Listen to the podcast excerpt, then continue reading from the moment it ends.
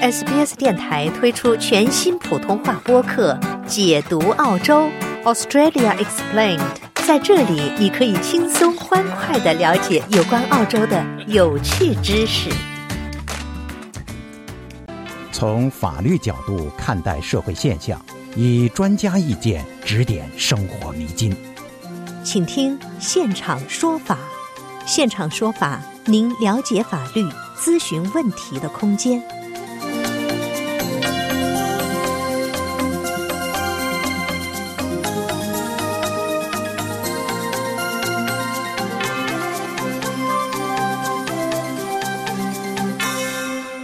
听众朋友您好，欢迎您继续收听 SBS 广播中文普通话节目为您带来的现场说法听众热线节目。做客今天节目的嘉宾呢是朗伦律师事务所狼人 Legal 主任律师张卓轩，他呢将从案例出发和我们一起聊一聊关于烟草走私的法律知识。欢迎听众朋友继续拨打热线电话一三零零七九九三二三一三零零七九九三二三参与节目咨询法律问题。接下来首先连线本期节目嘉宾张律师，您早。您早，主持人。非常感谢张律师做客我们的节目哈，张律师，我们看到哈，最近执法部门在布里斯班查获了约六万支非法电子烟，同时呢，在昆州东南部十五个地点进行的多机构突袭行动中呢，还缴获了价值超过一千四百万澳元的八百万支香烟和约三点七吨散叶烟草。首先，我特别想请您给我们介绍一下哈，在澳大利亚持有或转移多少烟草或者电子烟就算是非法的呢？呃，其实呃，这个的话，在具体的法律当中，并没有一个绝对的标准。嗯。呃，拿本案来说，这个本案的被告呢，他被逮捕的依据呢，据我分析，应该就是呃，澳洲的海关法，也就是 Custom Act 1901。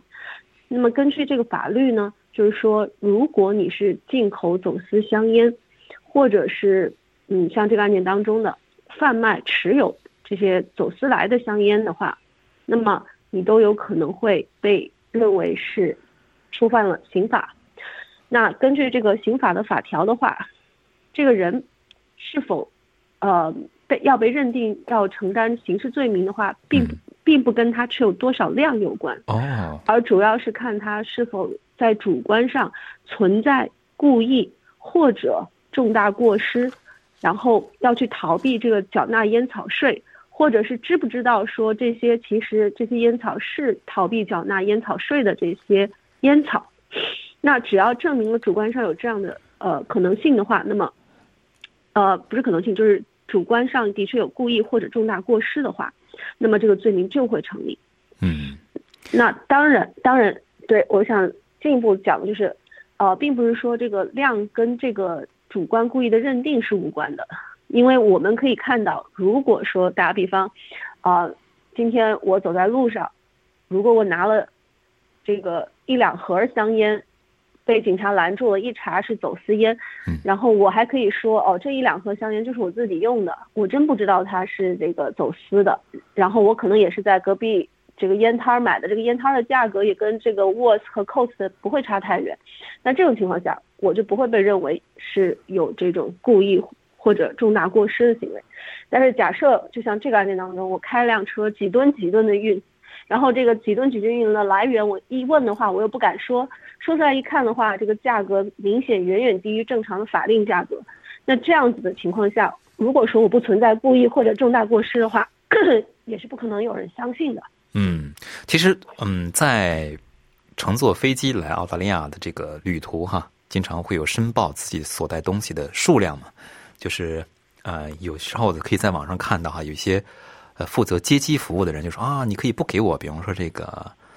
叫什么来着？不给我这个，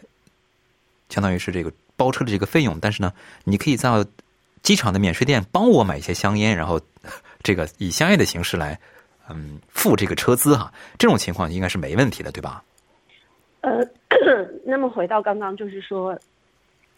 怎么认定他有故意和重大过失的问题？那假设就是几个自己的自用范围之内的，那可能你说这个人是故意要去逃避这个税务的话，就会比较难。嗯。但是假设他也是，呃，积累了一定量，十包、二十包、三十包、四十包，更多的这样去带的话，那么还是有可能会认定他至少是有一种 reckless，就是重大过失去逃避这个东西。嗯，就是从法理上或者是从情理上来说，嗯，政府为什么要呃重拳打击这个走私烟草和电子烟呢？嗯，其实从政府的角度来看，它的责任可能更多的是嗯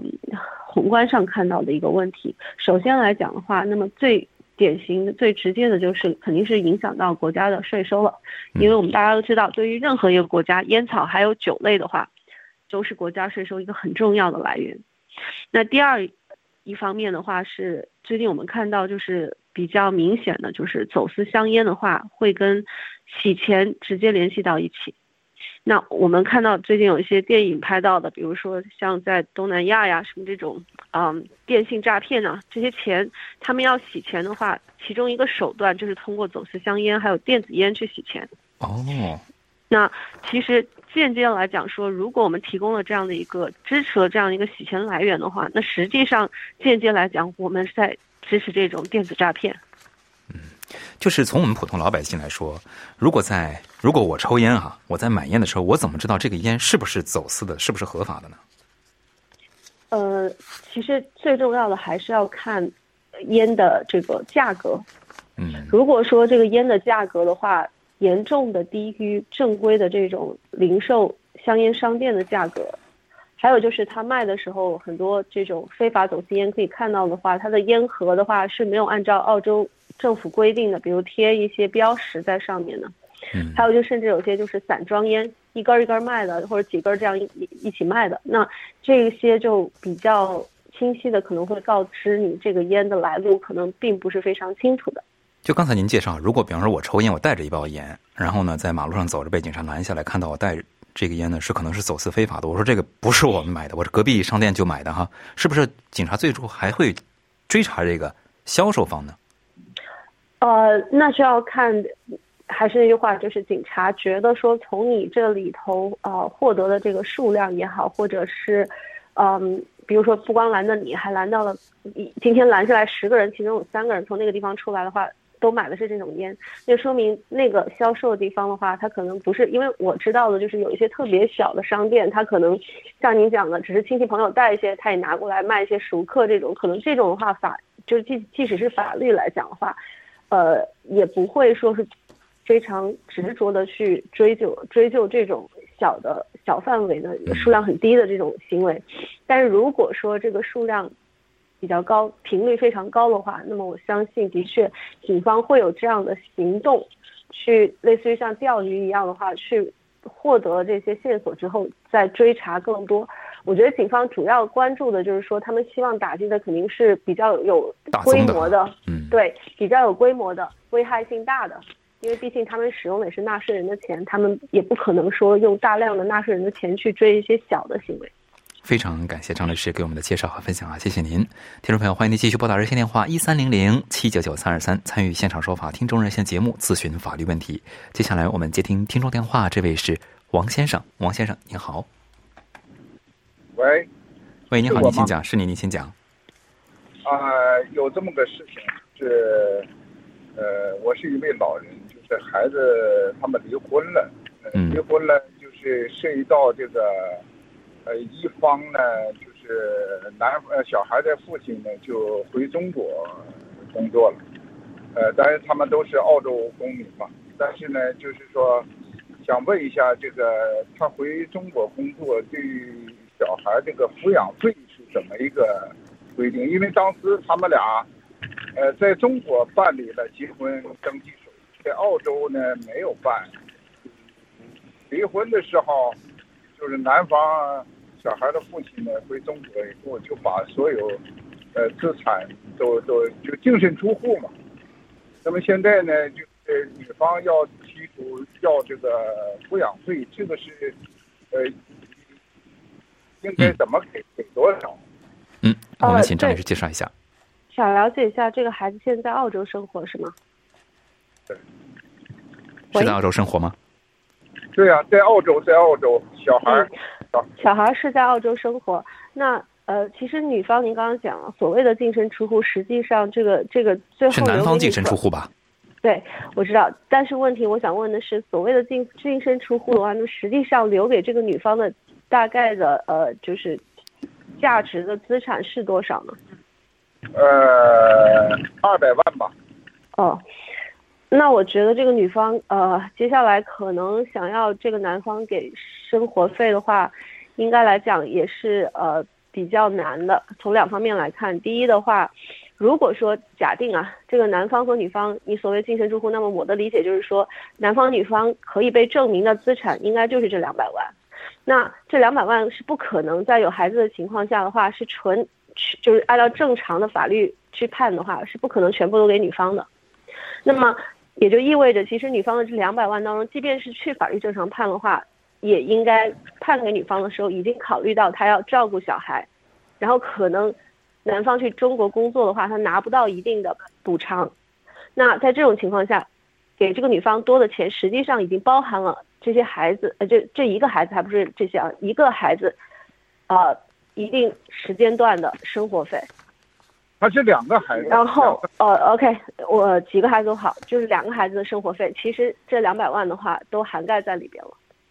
然后这是第一点，如果女方想要去法院或者是任何就是法律的政府的途径去解决这个问题的时候，男方可以提出来的，就是相当于男方的主张。为什么男方不用给太多的赡养费？给孩子，我指的是跟女方没有关系，不是赡养抚养费。然后第二点的话，就是这个男方他在中国工作的现实，因为如果这个在澳洲法律情况下的话，呃，正常的话，一个呃孩孩子或者两个孩子。多少个孩子也好，就是抚养孩子一方想要获得抚养费的话，通常就是有两个方式。一个方式的话，就是这个孩子的基本生活费，那个是向这个 Centrelink 下面一个叫 Child Support Agency 的这么一个机构去申请的。那么这个机构它评估出来的这个给的 Child Support 是最基本的一些费用，所以它换言之，它的金额并不是很高。通常你可以看到，可能最多的话，呃，当然每个。具体他评估的一个算式是非常复杂的，我没有办法跟您解释。但是您如果真的，比如任何一方想要申请抚养费的话，就会递交一个申请，叫这个 Child Support Agency 的这个机构。但我看到的绝大多数案例，呃，就是评估出来的话，一年下来可能给一个孩子的费用的话，也就不到一万块钱澳币，是相当低的。有一些甚至可能更低。原因就是因为通常他会要求就是双方父母要提供照顾孩子的时间比例，还有就是双方父母的收入状况。如果任何一方在澳洲境内没有收入的话，那么基本上就很难评定说他要给这个孩子有多高的抚养费用。嗯，那么就像这个案子当中您说的，这个父亲本身就在中国工作，他是在澳洲是没有收入，我也不相信他会把中国的收，如果他不是澳洲的税务公民，他也不会在澳洲报税务收入。或者他即使在中国有很高的收入，他也比较难见到的是他会在澳洲报他这些中国的税务收入。所以在这种情况下，呃，这个女方要在澳洲获得 Child Support Agency 评估出来的这个 Child Support，要想到一定能够维持孩子抚养费的程度的话，是相当困难的。那第二种方式呢，就是女方要起诉这个男方，去呃，可以直接起诉到法院的话，是要一个。就是不是常规性的，比如说这个孩子之前他们两个孩子都送到私校，有很高的私校费用，啊，这是他们两个愿意教育这个孩子是用这么高额的这种抚养方式的话，那么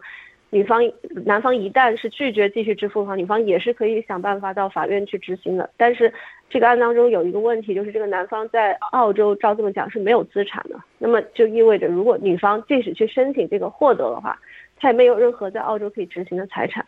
那在澳洲这个判决去到中国执行的话，在现在这个阶段，我知道的话是非常困难的。基本上，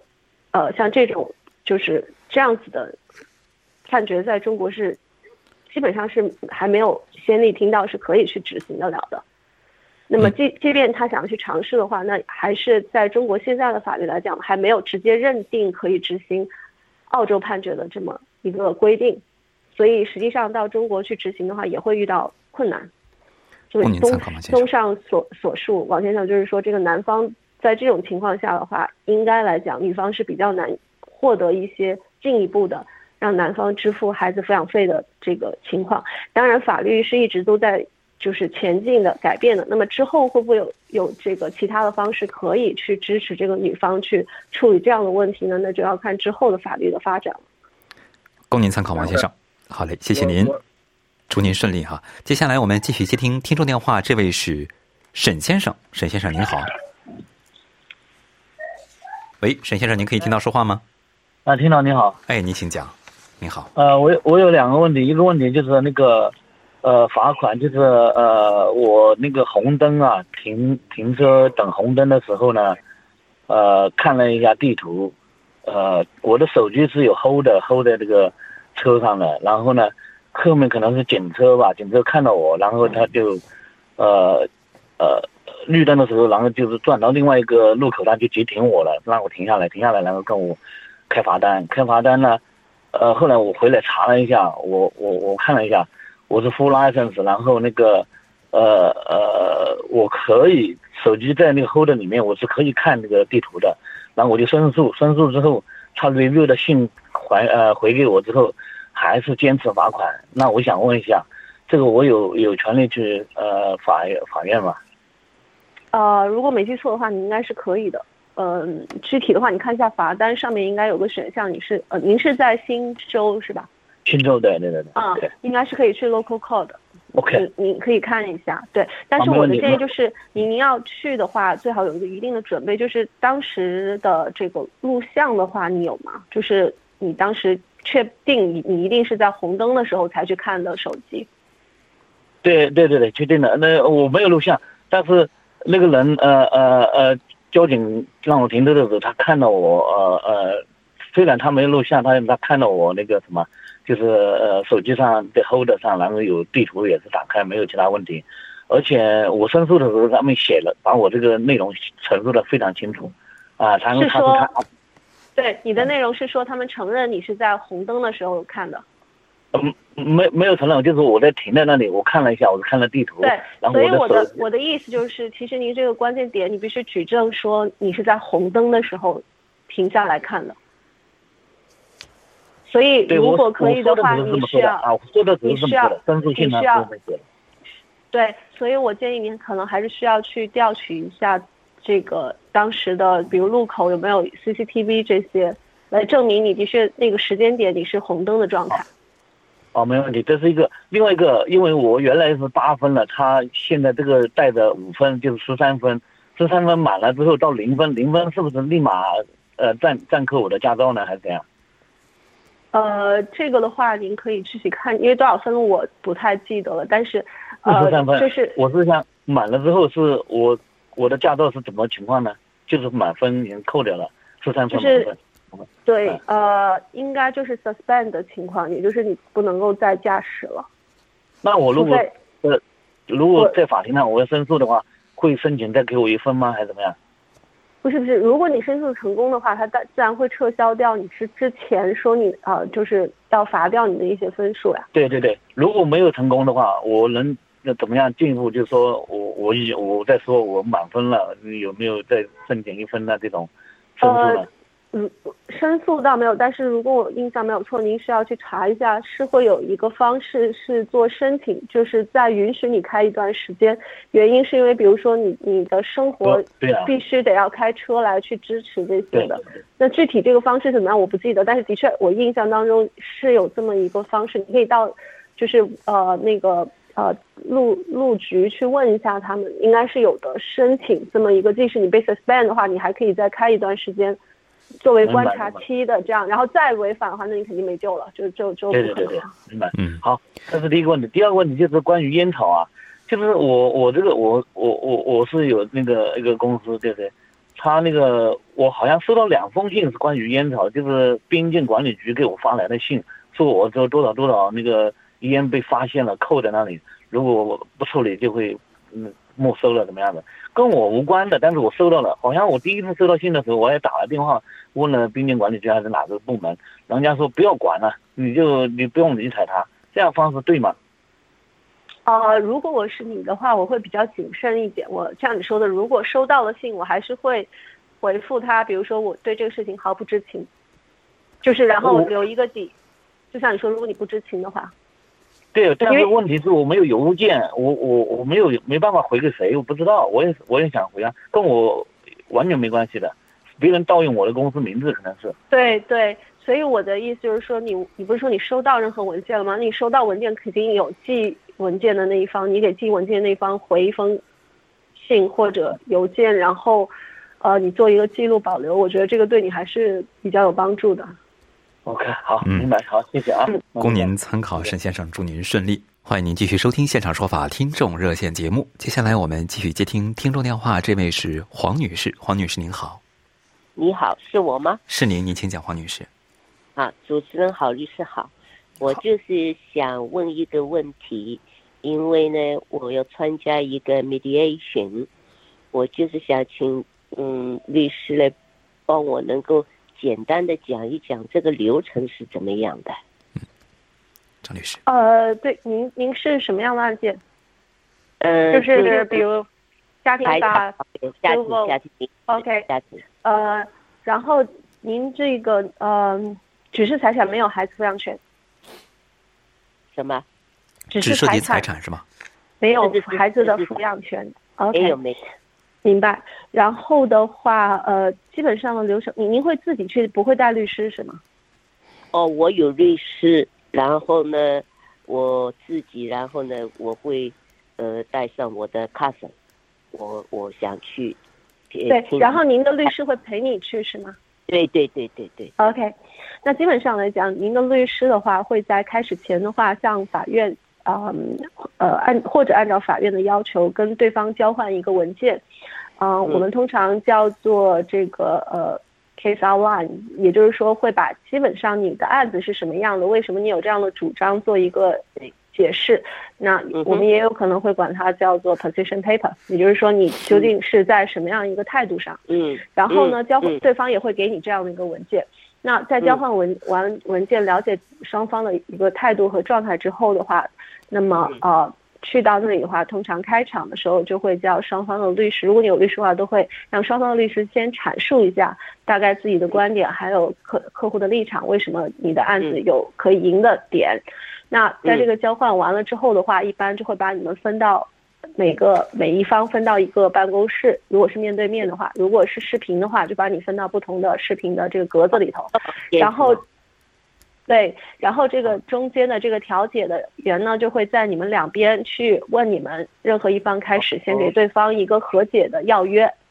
就给一个 offer。然后呢，那么这个中间的调解员呢，就会尽量，包括你的律师会帮你分析这个 offer 究竟应该怎么样去谈条件，然后这个金额是不是能够接受。如果说很复杂的这种财产案件当中，比如说你的房子还没有卖，然后还有各种各样第三方的利益掺进来的话，那么这些利益应该怎么样一一的分开，谁负责什么，钱谁的钱应该打到什么上面，这些都是可以啊，在这个 mediation 谈判当中谈下来的。那么谈下来之后的话，通常你的律师为了不让双方改变主意的话，就会当场。如果是简单的案件，当场我们就应该是可以把这个 consent order。如果你是法院的话，就 consent order；如果没有法院的话，那么就是一个协议的话，就会起草出来，然后让双方直接签字，因为就害怕双方变卦。如果是复杂的情况的话，那么至少我们会啊做一个文件。就是呃，相当于是说，有点像一个 h a s agreement。所谓的 h a s agreement，也就是说，你们 in principle，就是大致上关键点所同意的内容是什么，也是让双方先签一下。虽然我们可能会在保护利益上面的话，会写明这个文件如果没有变成最终的文件，就不会作为 binding，也就是不会作为呃。一定是双方一定要遵守，可以后面不可以反悔的这个。但是，我们的我们我们的经验看到的话，如果你有一个 has agreement 或者是一一种 like a principle in principle in principle agree 的一个东西的话，那么接下来你要形成具体文件的时候的话，就会更容易双方继续下去而达成一致。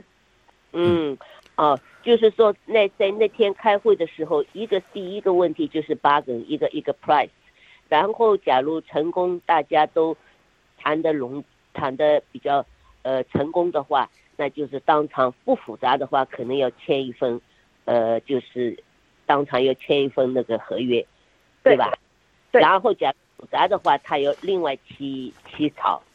对，就是说要各一各一个时间，对吧？呃，普时间表，然后还有就是具体每一个比较所谓复杂，其实打比方，我跟你如果只是存款一百万，嗯那就很简单，一人五十嘛，就是钱的问题嘛，对不对？但假设比如说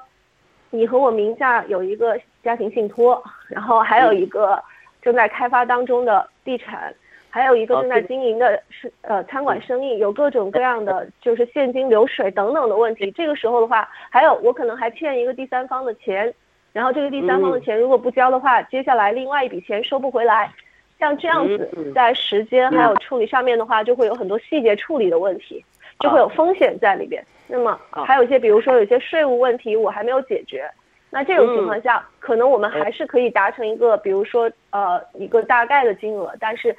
考虑到有风险，有有这个变动的因素在里面，那么我们就一步一步来做，比如说。几月几号之前，我们先清理什么样的问题，然后几月几号之后，我们再清理什么样的问题，然后什么样的生意会转移到我这儿，什么样的风险会转移到我这儿，那么什么样的费用会到你那里？像这些的话，是要需要比较有经验的律师去思考，给你把这个条款比较缜密的给写出来的。那么当时你是不可能签的，所以说在这种情况下，我们可能只会说，基本上就是这个生意归你，这个 family trust 给我，然后那个话嗯，但是具体细节哪些具体的费用共同摊，在在什么时间段，我们可能还要具体的约定的话，那么嗯这个就会在之后可能再会列一个完整的。供您参考，黄女士。还有还有一点就是说，一般这个付款需要多少时间来执行啊？什么叫咨询？没听懂。就是付款时间有多长时间的限制吗？就是，呃，就是说，假如成功呃的呃呃 mediation 谈成了以后，假如那个被告需要付钱的话，大概需要多少时间要付这个钱的呢？这这个还是你们可以约定的。哦，还是有约定的，不是当场是的有，